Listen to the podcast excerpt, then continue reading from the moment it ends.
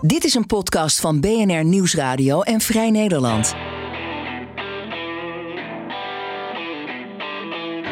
In deze Double Dutch podcastserie volgen correspondenten Reinoud van Wachtendonk en Freke Vuist Trumps Amerika. Ja, hallo luisteraars. Uh, hallo Freke. We zitten het weer buiten te doen, want dat virus gaat natuurlijk niet weg. We gingen net zitten en toen begon het zachtjes te regenen. Ja, het lijkt Nederland wel. De buienradar zei dat dat absoluut 100% niet moest ja, daar kunnen. moet je niet op vertrouwen. Maar eh, het is nu weer gestopt met regenen, maar we moeten misschien wat sneller praten. Overal om ons heen zie je onweerswolken. Dus Oké, heel eh, snel dan. Misschien op de achtergrond niet alleen vogelgeluid, maar ook Huh. eh, onweerswolken. En eh, ja, ik noemde dat virus al. En, ehm, Daar gaan we het weer over daar gaan, we hebben. het, hè? daar gaan we zeker weer Oei, mee openen. Want Ja. het blijft natuurlijk hier in de Verenigde Staten het gesprek van de dag. En ehm, jij kan iets vertellen over wat die dokter Fauci Nou, Fauci gezegd. eh, gisteren in het, in het congres eh, zegt hij, ja, hij verwacht, dat is zijn angst, dat we 100.000 besmettingen per dag zullen hebben. Ja, en het zijn er nu 40.000. Nee, iets, het zijn er al 48. Oh, 48. eh, Oké, dat was duizend. We gisteren al zetten- 40.000. Ja, nee, maar nee, het gaat expo- ja, daarom, omhoog. daarom is zijn voorspelling helemaal. nou, dat lijkt me correct, want het gaat zo snel. Ja. Zo ontzettend Ja. snel. En voor een belangrijk deel heeft dat te maken met het gegeven dat ehm, met name staten in het zuiden en zuidwesten van Amerika, waar veelal republikeinse gouverneurs zitten, ehm, wishy-washy, om het, om het netjes te zeggen, zijn geweest over ehm, het te snel misschien heropenen van de economie. Misschien. En er zijn ze- allerlei heel veel Ja. individuen. ehm, en ik ga ze gewoon over één kam scheren. Mensen die voornamelijk luisteren naar Donald Trump en misschien Fox News. Die zeggen van ehm, aan mijn lijf geen face mask bijvoorbeeld. Mhm. Ja, die mondkapjes. Ja. Eh, blijkbaar zegt eh 40% van de Republikeinen dat een mondkapje dragen, in, dus in, gewoon buiten, dat dat onzin is. Ja. Ja. Het, ja, het is symbolisch geworden, want Donald Trump zelf heeft gezegd dat hij het idee heeft dat mensen die wel, die wel oh, Amerikaans, die wel, die wel face masks, mondkapjes dragen, dat doen als een demonstratie tegen hem. Tegen Want hem. Het gaat natuurlijk het gaat altijd, over om, Trump. Het gaat altijd om en dat is natuurlijk onzin. Ja, maar zo presenteert hij het en zo wordt het blijkbaar ook gezien. En er is duidelijk... Door dat soort eh, mensen. Ja, en het is duidelijk, eh, dat heb ik ehm, geloof ik in de vorige aflevering al aangestipt. Er is duidelijk een element van eh, magismo. Eh, Ja. Van ja, je bent een mietje als je zo'n zo'n ding draagt. En ehm, Ja, nou ook, ja. ook weer onder dat soort mensen. ja, nu, wat we dus nu zien, en dat is wel interessant, is dat de gouverneurs uit die staten. Niet alle gouverneurs, bijvoorbeeld niet de Republikeinse gouverneur in, eh, in Florida, maar wel in andere staten waar dus de besmettingen.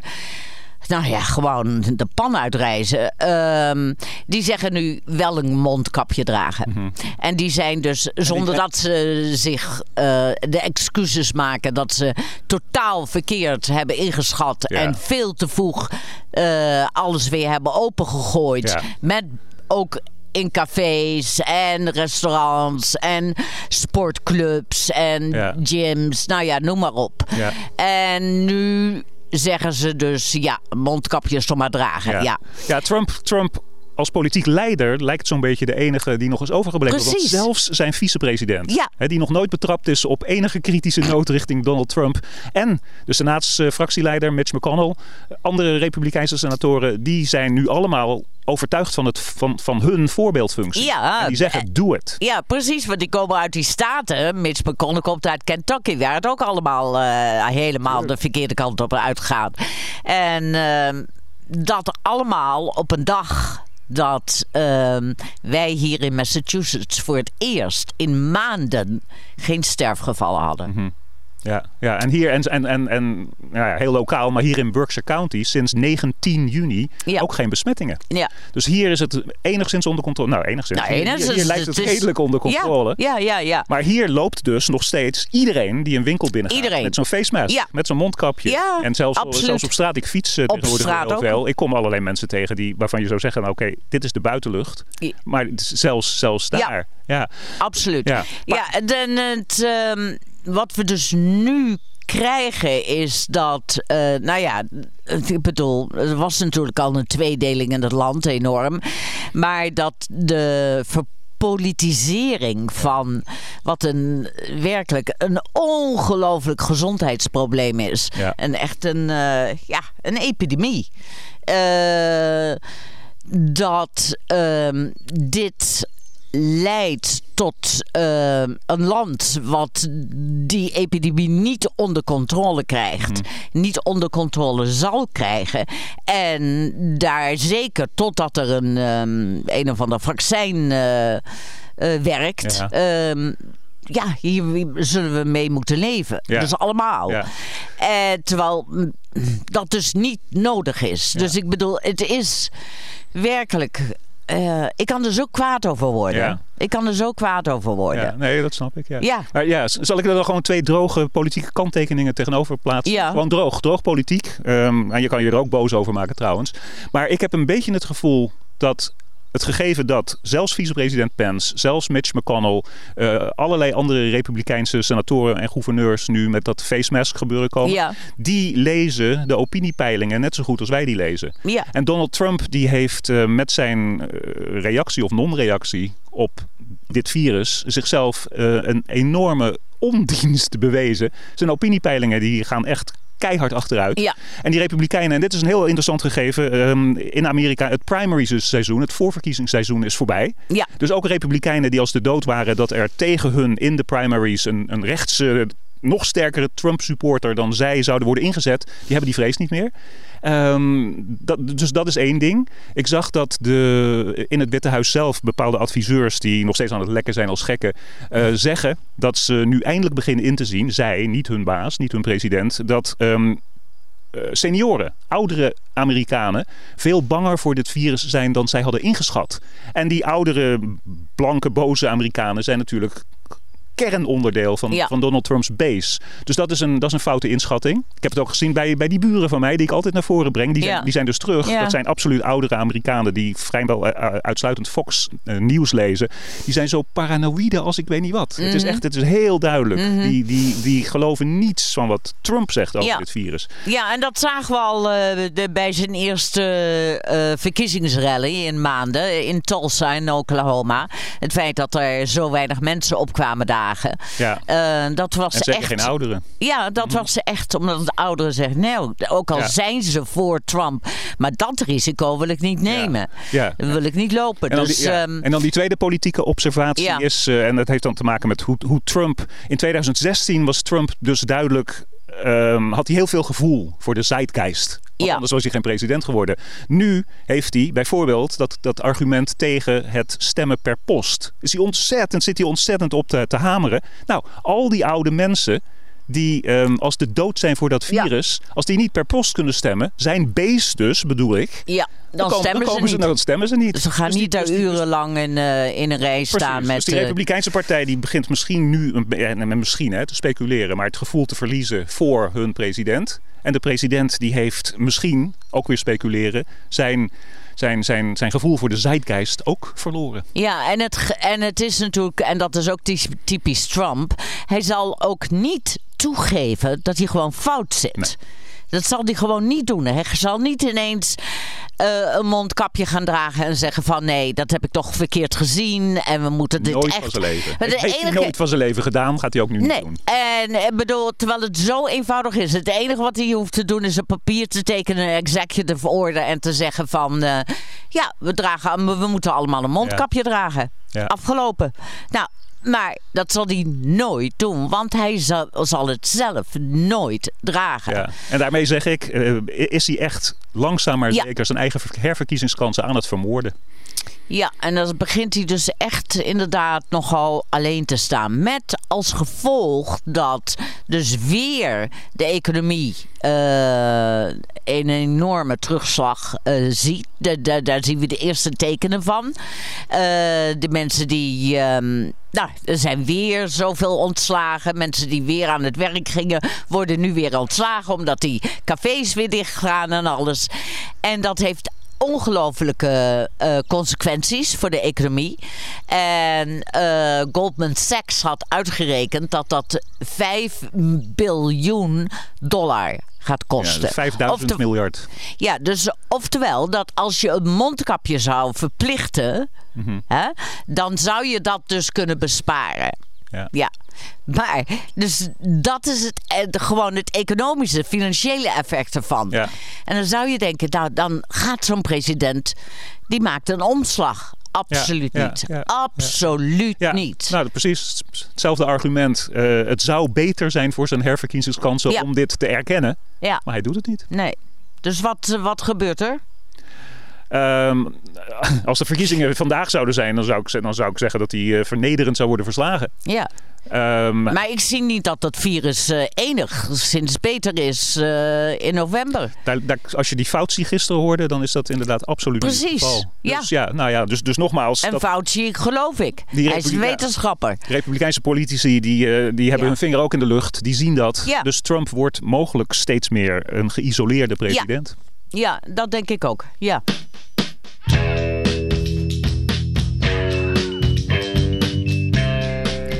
Je luistert naar Double Dutch, twee correspondenten over Amerika. En deze podcast wordt mede mogelijk gemaakt door applelease.com.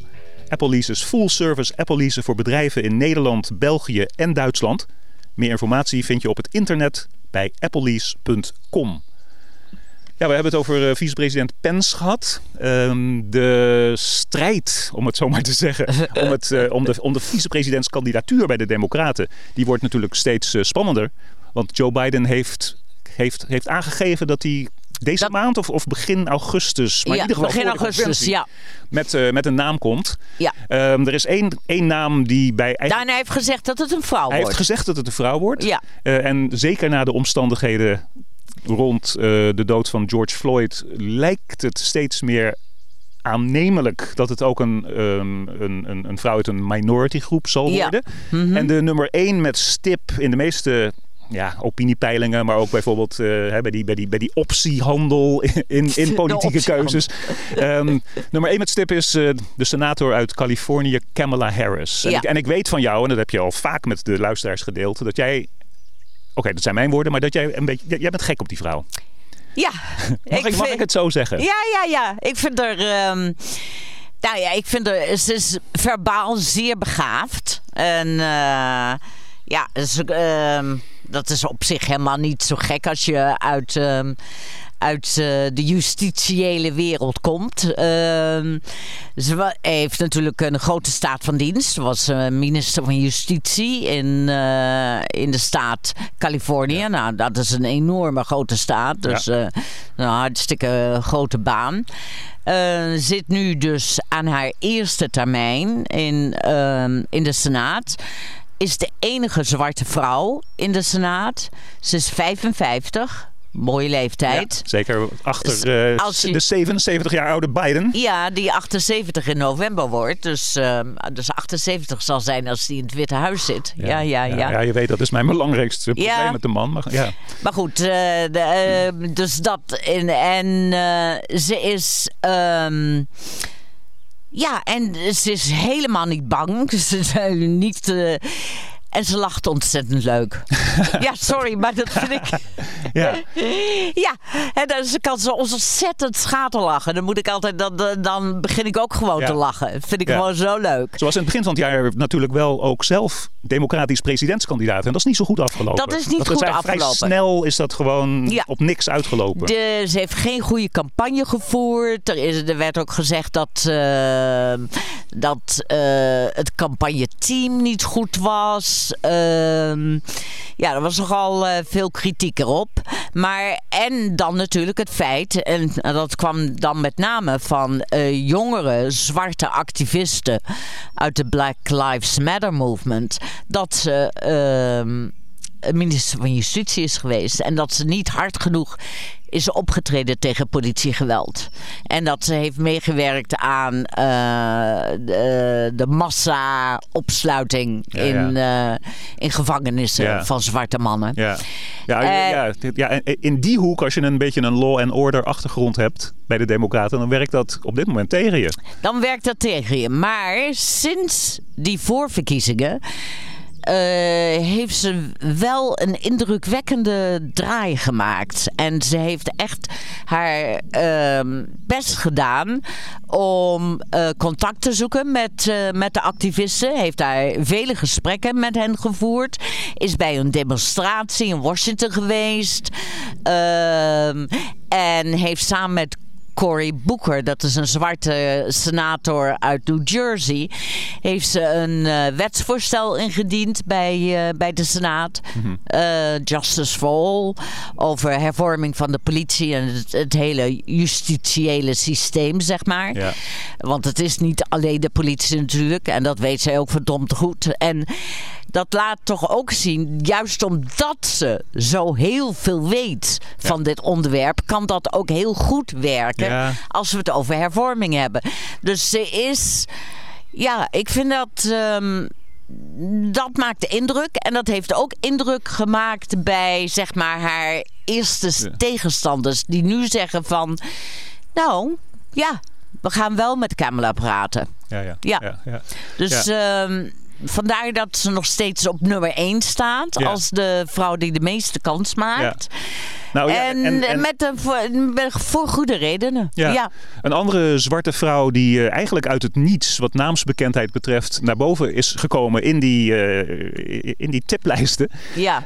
um, is uh, Val Demmings. Ja, ik en zij, had nooit van haar gehoord. Nee, ik had ook, ik had ook niet, niet eigenlijk, eigenlijk ook nauwelijks van haar gehoord. Ik, het, het, het, ik, ik, ik, had de klok wel horen luiden, maar ik wist niet ja. precies waar de klepel hing. Maar de laatste weken, ook weer naar George Floyd, komt zij naar boven drijven. Zij is uh, 63 jaar oud, zwarte vrouw. Ze is um, um, congreslid namens een kiesdistrict in Florida. Dat is belangrijk trouwens, want Florida is een swingstaat. Ja, dat, dat, is, dat, dat is is een heel, belangrijk. heel klein puntje tegen uh, Kamala Harris is. Dus dat zij uit Californië komt. En Californië is, wat er ook gebeurt, een ja, democratische staat waar. in de dat verkiezingen. Absoluut, ja. um, deze, deze Val Demmings komt dus uit Florida. Maar zij heeft ook en heel meer nadrukkelijk zelfs dan Kamala Harris een law and order achtergrond. Zij is um, 27 jaar politievrouw, politieagent geweest in uh, Orlando, dus de grote stad in Florida, Orlando. En heeft ook vier jaar lang gediend als de hoofdcommissaris van politie, police ja. chief van Orlando. Um, in deze tijd voor Joe Biden, de blanke kandidaat, mogelijk iets om te laten zien Um, he, aan, aan, aan, zijn achterban. Um, ik, heb, ik, heb, ik, heb, ik heb iemand bij de politie, uh, een zwarte vrouw bij de politie, onder mij die betrokken is geweest bij hervormingen. Aan de andere kant, terug naar wat je zei over Kamala Harris en de Black Lives uh, Matter movement. En het argument tegen haar, die Val Demmings als politiecommissaris. En dat moet, dat moet vaak ook natuurlijk, want het zijn Ja. je ondergeschikten. Maar Orlando heeft um, als een grote Amerikaanse stad ook een slechte reputatie op het gebied van excessief politiegeweld. En zij heeft heel Zij vaak. heeft daar niets aan gedaan. Nou, sterker nog, zij is, zij is meestal in de bres gesprongen. Ja. Voor mensen, voor agenten, Ja. voor ondergeschikten die uh, beschuldigd zijn geweest. Nou, dat Mhm. wordt ook tegen haar gebruikt. Ja. En, dat, en dat is dus, daar, daar daar wil ik even met je over verder praten. Ik kan me voorstellen dat um, voor Joe Biden een, een, iemand op dit moment hard voor law and order die die achtergrond, die die ervaring heeft, een goed punt is. Ja, Maar voor- nou, maar voor ja, links- maar al- als je zeg maar de, mm, de niet-Trumpers onder de Republikeinen of de Independents wil eh, Precies, precies, aantrekken. precies. Maar voor die, voor, die, voor die net zo cruciale mogelijk achterban van linkse, activistische en gekleurde democraten is het De grootste tegen- groep. Ja, maar, maar niet bij nationale verkiezingen. Dat is altijd het grote Jawel. punt. In, Oh, in nou. primaries zeker, maar bij Ja. nationale verkiezingen heb je die swing Ja, kiezers, die independents waar. jij het over hebt, Dat is ook wel hartstikke waar. nodig. Ja. Dus het, is een heel interessant, het wordt een hele interessante discussie. Gaat die Joe Biden eh, kiezen voor iemand waarvan die zegt van... nou, nou, ze, heeft, ze heeft best wel hard kunnen optreden hoor... tegen, Mhm. eh, tegen, tegen Mhm. looters en burners. Die, die independents en eh, niet-Trump-republikeinen waar je het over hebt. Aan de andere kant... Ik neem een van deze twee vrouwen waarvan ik weet dat die heel belangrijke activistische achterban van mij, linkse democraten, gekleurde democraten, eh, AOC bijvoorbeeld, die voelen weerzin. Ook al zijn het zwarte vrouwen, dat ze hebben, ik ga, ik ga gewoon hun woord zeggen, hebben geheuld met het machtssysteem als law and order Mhm. personen. Dus ik vind dat een hele spannende spanningsveld in de Ja, discussie. dat is een enorm spanningsveld. En, dat, eh, en eh, ik vraag me dus ook af of ehm, Biden zich daaraan wil wagen. Waarom haal je dat in huis? Waarom zou je dat in huis halen? Ja. Eh, Ja. dan Ja, er zijn het- er zijn je natuurlijk- vraag je om. En, en dat vind ik minder, eh, minder een kwestie bij Kamala Harris. Ja. Ehm, die- bovendien ook, ook nog iets ehm, wat toch een beetje tegen Val eh, Demmings pleit, is dat ze, ze is 63, ze is ouder. Mhm. Ja, ik bedoel, als je toch een, eh, een jongere kan, de Ja, eh, onder, onder de vicepresident. 60 is klinkt Onder de beter. 60 klinkt absoluut beter. Mhm. En eh, ze is heeft niet zeg maar de persoonlijkheid van een Kamala Harris. Nee. Want ze was bijvoorbeeld de manager eh, in de impeachment tegen, ehm, tegen Trump. En dat, niet dat ze dat slecht heeft gedaan, maar ze heeft ook niet een enorme indruk gemaakt. Nee, nee. nee. Nee, het feit dat, wij, Ehm, dat wij nauwelijks van haar gehoord hadden, ja, daarom. dat. Ja, dus ik, ik weet niet of hij daar. ehm, plus wat voor iets wat voor Biden altijd heel belangrijk is, en dat kan ik me voorstellen, maar gezien zijn ervaring met Obama. eh, is dat nog belangrijker? Is dat hij, eh, hij vindt dat hij behalve zeg maar ideologisch met een, eh, met een, een tweede man of vrouw Mhm. in dit geval goed op dezelfde lijn Chemie. zit, is dat hij ja, nou ja, dat ze ook een vriendschap gewoon Ja, hebben. ja. Zoals hij bevriend was met Obama. Ja. Dat het meer dan een Maar, werkrelatie Har- ja, maar is. Harris heeft in een paar van die debatten echt duidelijk ruzie gezocht met Joe Biden. Dus Ja. dat, dat pleit dan ook weer tegen haar. Nee, Oh. maar sinds die tijd heeft ze, ehm, nou, heeft ze fundraisers voor hem gedaan. Ze, en eh, heeft hij tegen haar gezegd van... eh, ja, ik... eh, nou, hij heeft in feite gezegd, ik mag je graag. En wat heel belangrijk voor Biden is... is dat Kamala Harris was bevriend met zijn zoon Bo. Oh. En Bo die is overleden aan een eh, hersentumor. En ehm, Bo was namelijk minister van Justitie voor de staat Delaware. Terwijl Kamala Harris dat natuurlijk was voor Californië. Ja. Oh, en daar kenden ken. ze elkaar van. En die waren goed bevriend. Ja. En ja, zoiets betekent veel voor, eh, voor Joe. Ja, ja, ja. Ja. Oh, dat is interessant. Ja. Ja. Nou ja, dus stel dat het eh, mogelijk is. eh, jij zei net van waarom wil Joe Biden zich dan wagen aan deze discussie Ik, tussen law ik zou en me niet wagen aan, aan Demmings. Oké. als- oh, als dus ik Joe alle- Biden je bedoelde niet allebei vanwege hun law and order ik- achtergrond. Nee, omdat Kamala Harris duidelijk nu van politiehervorming, eh, justitiële hervorming, echt een enorm agendapunt heeft gemaakt en zich daar keihard voor inzet. Oké, oké. Ja. Nou, er, Ja. Zijn, ja, er zijn natuurlijk er zijn nog, eh, er zijn nog andere underdogs eh, in, de, in de race. Ja, Eh. Een andere zwarte vrouw die wordt genoemd is Susan Rice. Ja. Die is nooit ergens. Dat, dat is de voormalige eh, ambassa- ambassadrice onder Obama bij de Verenigde Naties. En zijn nationale veiligheidsadviseur geweest. Dus een gigantische achtergrond en ervaring op buitenlandse zakengebied. Maar is nooit ergens. Maar voor- niks qua binnenland. Nee, en is nooit ergens voor gekozen. Heeft Nee. nooit echt leiding. Ja, oké, ze heeft leiding gehad over dat, eh, dat die, die, die, die enorme ambassa- ambassade in New York natuurlijk. Dat begrijp ik wel. Maar dat is, dat is toch iets van een andere orde. Ja, national security, maar ik bedoel. En, eh, maar het is allemaal buitenland. En buitenland speelt niet op dit Op dit moment. moment niet. Het Nee. speelt echt niet. Nee. Ehm, Nee. Nee. Dus ik. ik Oké, dus daar is. Oké, laten dan zetten we een streep door. eh, Zetten we een eh, streep door daarheen? Rice, ja. Ja. Ehm, dan heb je ook nog, oh, dat is ook een, intri- een intrigerende eh, naam die rondzinkt. En dat is ook een zwarte vrouw, de, de burgemeester van Atlanta. Ja.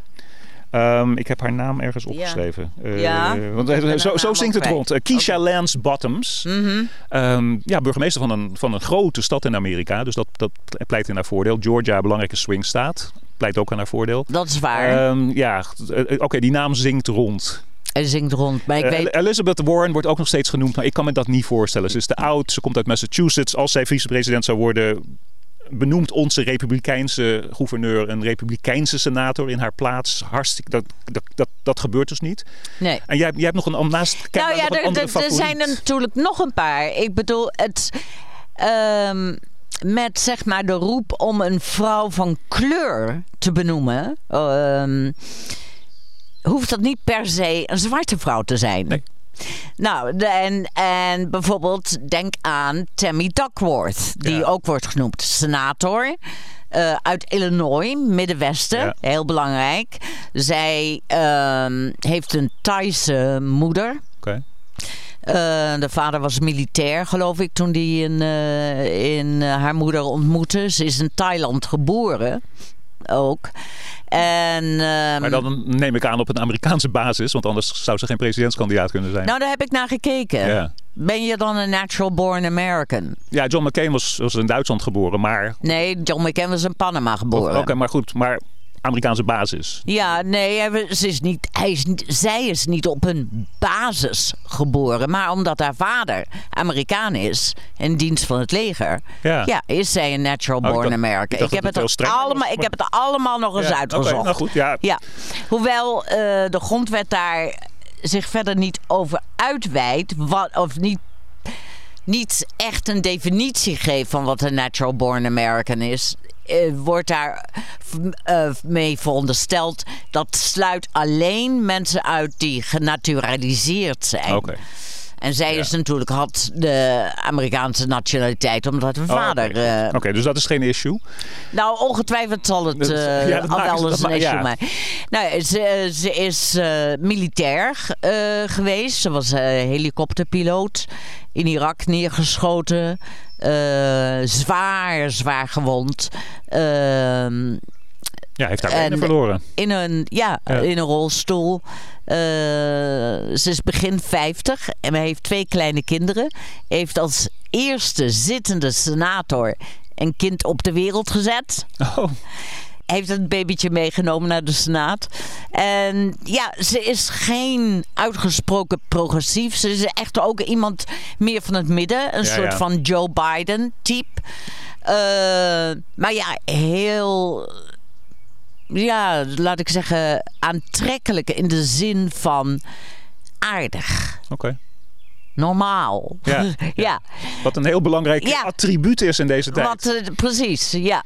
Dus het kan ook zijn dat het, eh, dat het eh, Tammy wordt. Dat zou ook kunnen, ja.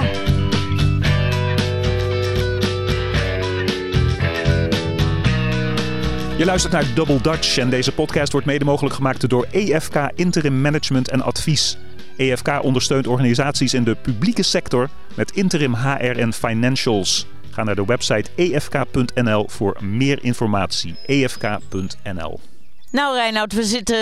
ehm, ja, het is zomer. Dan gaat het Hoge Rechtshof ook op vakantie. Ja. Wat gaan die rechters vaak op vakantie, zeg? Ja. Ja. Ja, ze beginnen weer de, de, de, de eerste maandag in oktober. De Ja. First Monday in oktober. Ja, goh. Wat een baan. Ja. Nou. Anyway, nou ja, ze zijn Nou. ook allemaal oud. Of bijna allemaal oud. Niet allemaal, maar uh, dus. Maar goed, dat betekent dus dat uh, een aantal besluiten dus uh, zijn genomen. Waaronder de abortus. En ja, daar stond ik... ik heb een grote zucht van verlichting gelaten. Ja. Dat uh, het was een, een beetje een rare zaak die, uh, die voor het Hof kwam. Het had te maken met namelijk uh, met beperking van van de uh, abortus in Louisiana, in de staat Louisiana, waar dan uh, een wet was aangenomen die eiste dat. Uh, uh, artsen ook geaccrediteerd zouden zijn in ziekenhuizen. Wat erop neer zou Ja. komen dat geen enkele arts nog uh, een abortus kon uitvoeren. En in feite dus er helemaal geen abortusklinieken Ja, meer ja, zouden ja. zijn in die Ja, het was, staat. een, het was een trucje. trucje een Het was een om truc. praktisch abortus uit te sluiten in Ja, zo hebben we veel van dergelijke trucs Mhm. in verschillende staten. En dit was er weer een, die kwam nu voor het Hof. En eh, de hoge hoge rechter, de voorzitter van het Hof, eh, Roberts, die stemde met eh, de liberalen, met de progressieve mm, eh, vleugel mee. Ja. En die zei nee, dat Ja. kan niet. Ja, die, ja, dus die heeft die beperkingen afgekeurd. Ja, en wat betekent in feite dat... eh, Ja, en, ja. en jouw zucht van verlichting was een, eh, een, een woede-uitbarsting aan de, aan, de recht, aan de conservatieve rechterzijde. Die hadden verwacht Ja. dat, die, dat die Roberts, hè, zoals die 15 jaar geleden was aangenomen als conservatieve opper-opperrechter, abortus zou wegvegen. Ja. Is niet gebeurd. En het is niet de eerste keer dat Roberts een besluit heeft laten, laten, laten staan van de links-liberale vleugel van het Hof. op sociale gebieden. waar die conservatieven als woedend over zijn. Dat ben ik met je eens, maar dat betekent nog niet dat Roberts ineens van eh, rechts naar links is. Nee. Van een eh, rechtse rakker een linkse rakker is geworden. Nee, nee, nee, nee, nee. een paar weken geleden eh, heeft het Hoge Rechtshof bepaald dat discriminatie op de werkvloer tegen homo's en transgender mensen tegen de grondwet is. Ja. Het was trouwens niet alleen John Roberts, maar ook die andere conservatieve rechter Gorsuch die daar, eh, die daar tegen stemde. Ehm, de bescherming van DACA-kinderen, weet je wel? De Ja. immigrantenkinderen die door hun ouders zijn meegenomen en die eigenlijk volgens Trump het land zouden moeten worden uitgegooid, heeft hij ook Terwijl ze al hier een hele jeugd, eh, sinds een jeugd hier wonen. Ja. En, al, en al eerder was hij de doorslaggevende stem die toch ook weer tot woede van al die conservatieven O- Obamacare overeind Mhm. heeft gehouden. ja. Obamacare komt trouwens weer voor het Komt Hof, hè? terug, komt terug. Dat komt terug en dat komt terug dit najaar. Dan wordt er over, nou, de, de- niet, de niet het besluit, maar het debat voor Ja. het Hof. Maar dus de grote vraag is aan conservatieve kant en aan linkse kant. Ja, jij, jij zegt hij is niet nu onmiddellijk een linkse rakker geworden. Maar die conservatieve vraag is eraf. Wat is er gebeurd met John Roberts? En waarschijnlijk als baas van het Hoge Rechtshof. Met zijn oog op de toekomst en op de geschiedenisboekjes. Hij wil niet dat het Hoge Rechtshof gewoon een arm van de Republikeinse Partij, de rechtse Republikeinse Partij en Fox News wordt. En dus gewoon. eh, in het eerste blok hadden we het over de, de, de, de, de, de, eh, hoe noemde je dat? De, de partijpolitieke polarisatie. Die alles bepaalt in Nee, die wil die En buiten dat hof houden. dat is dat duidelijk. houden, ja. Dat is duidelijk. Wat niet wil zeggen dat hij niet. eh, hij is gewoon ervan. Oh, ik bedoel, ideologisch is hij wel. Want hij is wel tegen abortus. Dus als er een, Ja. als er een goede zaak zou komen Ja. voor het hof. Dan. ehm, dan denk ik dat Ja. hij wel ehm, dat hij het eerdere besluit van het Hof, van Roe v. Ja. Wade, eh, toch terug Als zal maar, als hij draaien. maar heel duidelijk kan zeggen dat dit echt op Dat het juridisch- juridische gronden is gebeurd Ja. en niet op politieke gronden. ja, da- ja, precies. Dat, ik- ja, dat, wat ik- ja, dat is een heel goed Wat ik ergens onderscheid las wat was, maakt. was dat, dat die. John Roberts ehm, denkt. Eh, dit is analyse van mensen die er veel meer verstand van hebben. Dat John Roberts denkt van... ik ben hier niet om het platform... om- het partijprogramma van de Republikeinse Partij uit te voeren. Als er dit soort ontzettend moeilijke maatschappelijke kwesties eh, voor het hof komen... laat zij het zware werk zelf opknappen. Met wetgeving. ja, Ehm, ik, ik, ik ben er niet voor Trump, ik ben er niet voor de Republikeinen. Die andere vier rechtse rechters mm, voelen dat kennelijk eh, ve- veel minder. Maar ehm, ja, hij, hij, want zijn naam is ook verbonden. Iedere opper, opperrechter, iedere chief justice, dan dat hof heet dat naar jou. hof heet Ja, naar dus jou. Dit is, het- ja. dit is het je hebt Roberts het Warrenhof en dit is het Warren. ja, dit dus, is dus, over Roberts. 50 jaar in de geschiedenisboekjes wil John Roberts niet lezen. Hij zou het zelf niet lezen, maar zijn, na, zijn nakomelingen wil hij niet dat die lezen. Dat het Robertshof gezwicht is voor de Tea Party Trump-lijn van de Republikeinse Partij. Dat wil is waar, maar hij heeft geen enkel probleem om eh, te zwichten voor de argumenten van het bedrijfsleven. alle, alle, alle, alle zaken die voor het Hoge Rechtshof komen waar het bedrijfsleven anti-regulatie, anti-regeltjes, milieukwesties worden allemaal van tafel geveegd. Ja. Dat is allemaal nog steeds Dat is waar, toch? Ja, dat is waar. Ja. Dat is waar. Ja, Ja, maar dat zijn, dat zijn waarschijnlijk dat zijn minder hete aardappelonderwerpen in de maatschappij dan. Ja, eh, dat zou dus zijn- wel zijn- moeten zijn, maar zin zijn ja, het is bijna, bijna meer ingrijpend Ja. als het klimaat naar zijn moer wordt, ge, eh, wordt, ge, ja wordt maar het zijn niet Maar- eh, de sociaal-culturele hangijzers Precies. in, in het politieke debat hier. Zou je ook kunnen zeggen om, om, om, om een einde aan de podcast te maken en terug te gaan naar het begin, waar, waar ik zei van de Republikeinse vicepresident zelfs, senatoren, andere politici Mhm. lezen de opiniepeilingen, weten of vrezen dat het tijdperk Trump ten einde komt en willen zich dus niet vastbinden aan dat zinkende schip. Denk je dat John Roberts mogelijk in zijn achterhoofd hetzelfde heeft? Ik wil niet met dit zinkende schip ten onder gaan. Dus ik doe zijn vuile werk echt niet meer. Ja, dat denk ik. Ja. Ja. Hij zal het nooit zo formuleren. Nee, nee, nee. John Daar Roberts is hij nog een jurist voor, maar... Ja. eh, En, en John Roberts komt, komt over op mij als, als nog steeds een fatsoenlijk mens. Er zijn allerlei republikeinse politici waarvan ik dat echt niet meer zeg. Dat zijn geen fatsoenlijke mensen meer ehm, in hun politieke daden. Maar die John Roberts, die... nou, Ja, hoewel speelt dat, het is, dat is altijd heel moeilijk te zeggen over hoge rechters. Omdat je eigenlijk niet veel weet Nee. hoe ze denken. Je leest alleen maar hun Ja, argumentaties. Precies, dat is het enige wat je weet. En eh, ik bedoel, het kan best zijn dat, die, eh, dat ehm, die, eh, de rechtse rechters in het dagelijkse omgang ook van die aardige Ja. mensen zijn. Ja. Het een sluit het ander Ruth niet uit, Bader dat weten we. beste vriend was Anthony, Anto- Antonin Scalia. Ja, Nou, Ja. grotere ideologische Ja. tegenpolen bestonden er Ja, niet. die konden maar ze heel- hielden allebei van de opera. ja, en een glaasje wijn vonden ze geloof ik ook best Oh lekker om God. samen te drinken. Dus, ehm, dus dat kan allemaal. Dat, kan, dat kon vroeger ook in het congres en in, eh, niet, nu niet meer. En eh, de enige die nooit zal veranderen is Donald Trump. Oké. Dan, dan, Die dan- drinkt geen glas wijn met Nancy Pelosi. Nee, maar hij Nou, drinkt, hij drinkt helemaal niet. Dat klopt, dat klopt. Oké. Hey, ehm, Double Dutch, twee correspondenten over Amerika. Ik ben Reinhard van Wachtendonk, Double Dutch correspondent voor BNR Nieuwsradio. En ik ben Freke Vuist, Dutch correspondent voor Vrij Nederland. Ja, en we hebben één, één mededeling, huishoudelijke mededeling. We gaan er in de maand juli een maand tussenuit. Dat is nu dus. Dat is nu. Dit is, dus dit is de laatste Ja. e- episode voor een hiatus van... Ja, ja, want Reinoud die moet zo nodig op vakantie.